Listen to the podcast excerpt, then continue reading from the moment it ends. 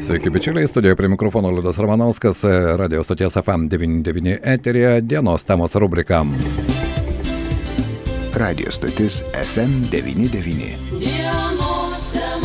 Na, o dienos temos pastarosiomis dienomis ir savaitėmis išlieka tos pačios karas Ukrainoje, pabėgėliai Lietuvoje virš 20, 12 tūkstančių pabėgėlių, atsidaro vis nauji pabėgėlių centrai, šiandien atidarytas Šiauliuose, rytoj planuojama, jog toks centras atsidarys Kaune, pirmasis centras buvo atidarytas Alituje, Mantas Truskus, Alitaus pabėgėlių centro vadovas mūsų eterėje. Labadiena, gerbiamas Mantai. Labadiena. Ko gero pastarosios dienos ir savaitės jums tai yra neramios dienos, kaip ir daugeliui, bet vis dėlto tai yra kiek ramiau negu ten Ukrainoje, kai pagalvoja apie tos žmonės, kurie ten kiekvieną dieną po artilerijos svedinių ir bombų sprogimais, bet vis dėlto sugrįžkime į Dzukiją. Kokia situacija yra šiandien Lietuvos pabėgėlių centre, kaip sekasi, ko trūksta, galbūt reikia pagalbos rankų?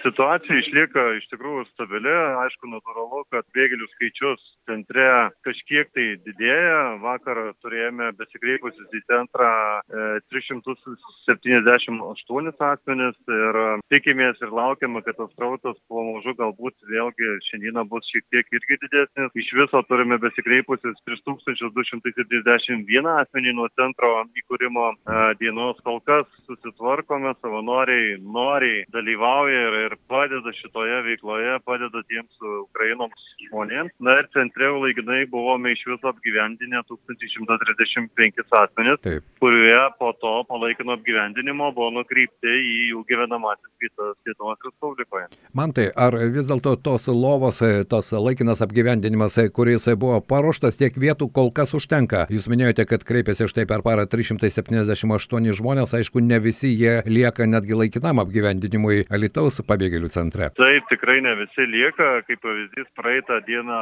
vakar tai yra turėjome apgyvendinę 140 asmenų ir natūralu, kad tie asmenys išvyksta ir, ir keičiasi ir turime centre šiuo metu 300 lovų, o Juozapavičiaus gatvėje, kur buvę vaikų globos namai, turime Taip. dar papildomai 170 lovų, kur galime apnakvindinti asmenį. Tai iš esmės apie vos ne 500 vietų yra, kur galima pabėgėlius iš Ukrainos apnakvindinti. Man tai štai pabuvę pabėgėlių centre, jie čia praleidžia porą, tris dienas.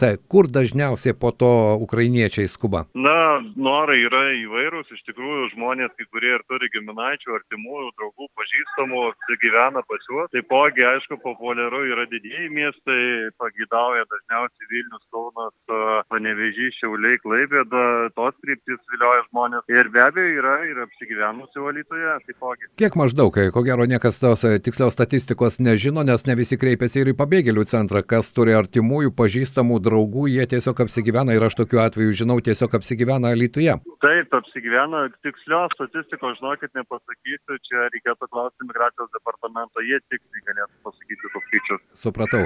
Man tai dar vienas klausimas, kadangi didžioji masė pabėgėlių tai yra mamos, močiutės, vaikai, o vaikams, na, mokslo metai, žinau, kad jau kai kurie tėveliai ir mamos kreipiasi, kad galėtų vaikai lankyti mokyklas, ar jūsų centre štai jūs sulaukite tokių klausimų, prašymų? Tai be abejo, sulaukime tokių prašymų ir, ir dar, dar ir kitokių netgi prašymų, bet dėl socialinio paketo viso siūlom asmenim visiems kreiptis į savivaldybę, į vietos savivaldybę, kurioje asmenys bus apgyvendinti ir ten jiems bus suteikta visa reikalinga ta informacija tiek dėl darželių, tiek dėl mokyklų. Na ir be abejo, vietos užimtumo tarnybo dėl darbo galima kreiptis. Mes taipogi centre turime ir užimtumo tarnybos darbuotoją, kuris dirba nuolat ir, čia vietoje konsultuoja asmenys dėl galimybių dirbti Lietuvoje. O yra žmonių, kurie atvykę į Lietuvą kaip pabėgėliai vis dėlto galvoja apie ateitį, bent jau trumpalaikę ateitį ir galvoja apie tai, kur jie galėtų įsidarbinti, kur jie galėtų užsidirbti. Be abejo, dauguma žmonių darbingo amžiaus žmonių iš karto atvykę į centrą ir klausia, kur, kur jie galėtų įsidarbinti, nes jie nenori būti natūralu ir mum našta lietuviams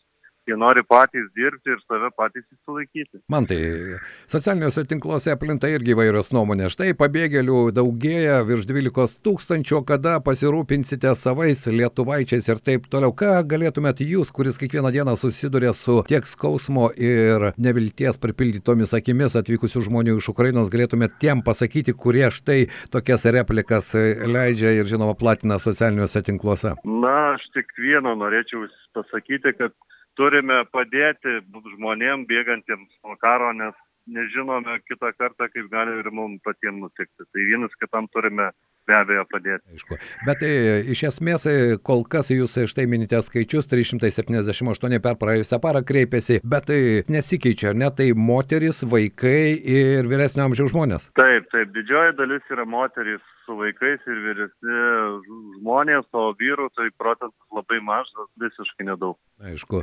Na ir dar vienas klausimas, jūs minėjote, kad į didesnius miestus e, ukrainiečiai nori toliau keliauti, kai kurie iškeliavo į Suomiją, ar ne, ir e, kalbant apie tą pagalbą, kuri reikalinga, su vertėjais problemų neturite, susikalba visi? Uh, tikrai problemos dėl kalbos nėra, susikalbame pagrindę rusų kalbą arba anglų kalbą, jeigu reikia, ir, ir dėl vertėjų problemų neturim.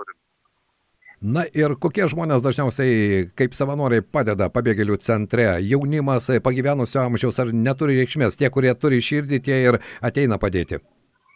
Jūs labai gerai paminėjote, kurie turi širdį, tie ateina padėti norinčių yra daug, nuo vaikų iki garbaus amžiaus seniorų ir tikrai čia pas mus dirba savanoriai įvairiaus. Kiek suprantu, dabar problemų ypatingų nėra, na, norisi tikėtis, kad galbūt tas rautas kažkiek stabilizuosis, nors žvelgiant į tuos e, karštus pranešimus iš Ukrainos ar ne ir e, nenustojančius bombardavimus, yra tikimybė, kad jis gali tik padidėti. Ar užteks tų išteklių, kurie yra ir Lietuvos pabėgėlių centre, ne tik vietos, bet ir visų kitų išteklių, tiek ir tų paketų, kurie reikalingi? Na, manome, kad tikrai užteks, nes, kaip žinote, šiuo metu atidarinėjami centrai ir kituose Lietuvos didžiuosiuose miestuose. Taip. Ir be abejo, tarp tų didžiųjų centrų visų atidarytų koordinuosimės visos Lietuvos mastu tuos srautus ir jeigu, kaip jūs ir minite, vienur pritrūktų resursų, tai žmonės būtų nukreipiami į kitus centrus. Mhm. Tai tas koordinavimas bus daromas nuolat. Aišku. Man tai štai ir šį savaitgalį skambino žmonės, pas kuriuos atvyko pabėgėliai iš Ukrainos ir sako, kai kurie iš jų nerimauja, jie nenori registruotis pabėgėlių centruose, nes, na, galvoja, kad giminaičiai yra ten Gruzijoje, dar kažkur ir jie planuoja per Lietuvą tik tai saugiai galbūt kažkokiu būdu pasiekti tuos artimus žmonės ir sako, o jeigu užsiregistruosi, po to galbūt aš negalėsiu išvykti ir taip toliau. Žmonėms, aš kalbu apie ukrainiečius, kartais kyla tokių atrodo savaime suprantamų dalykų, bet jiems tai yra rūpimi dalykai. Tai iš tikrųjų visiems atvykstantiems pabėgėliams iš Ukrainos nereikia bijoti pas mus registruotis, nes jie užsiregistruoja užsiregistravę gali laisvai judėti visoje Europos Sąjungoje ir grįžti į savo gimtinę šalį ir be to ta registracija jiems suteiks visas teisės gauti visą socialinį paketą, kurį yra numačius ir šiuo metu planuoja Lietuvos Respublikos vyriausybė. Tai yra įvairios išmokos, taipogi neplaninė medicininė pagalba ir visi dalykai. O jeigu jie nebus susiregistravę, tai gali kilti keblumų dėl šių paslaugų gavimo. Taip, tai aš tą patį bandžiau aiškinti irgi ukrainiečiams, kad e, iš tikrųjų apribojimų jie neturės, jie turės tik tai pagalbos ištiestą ranką, tuos socialinius paketus. Man tai šiandien ačiū Jums už tai, kad suradote galimybę paaiškinti ir mūsų klausytojams ir pateikti operatyvę informaciją. Būkite stiprus, ačiū, ačiū Jums. Dėkui. Mantas Trunskus, Alitaus pabėgėlių centro vadovas, buvo mūsų dienos temos svečias. FM 99.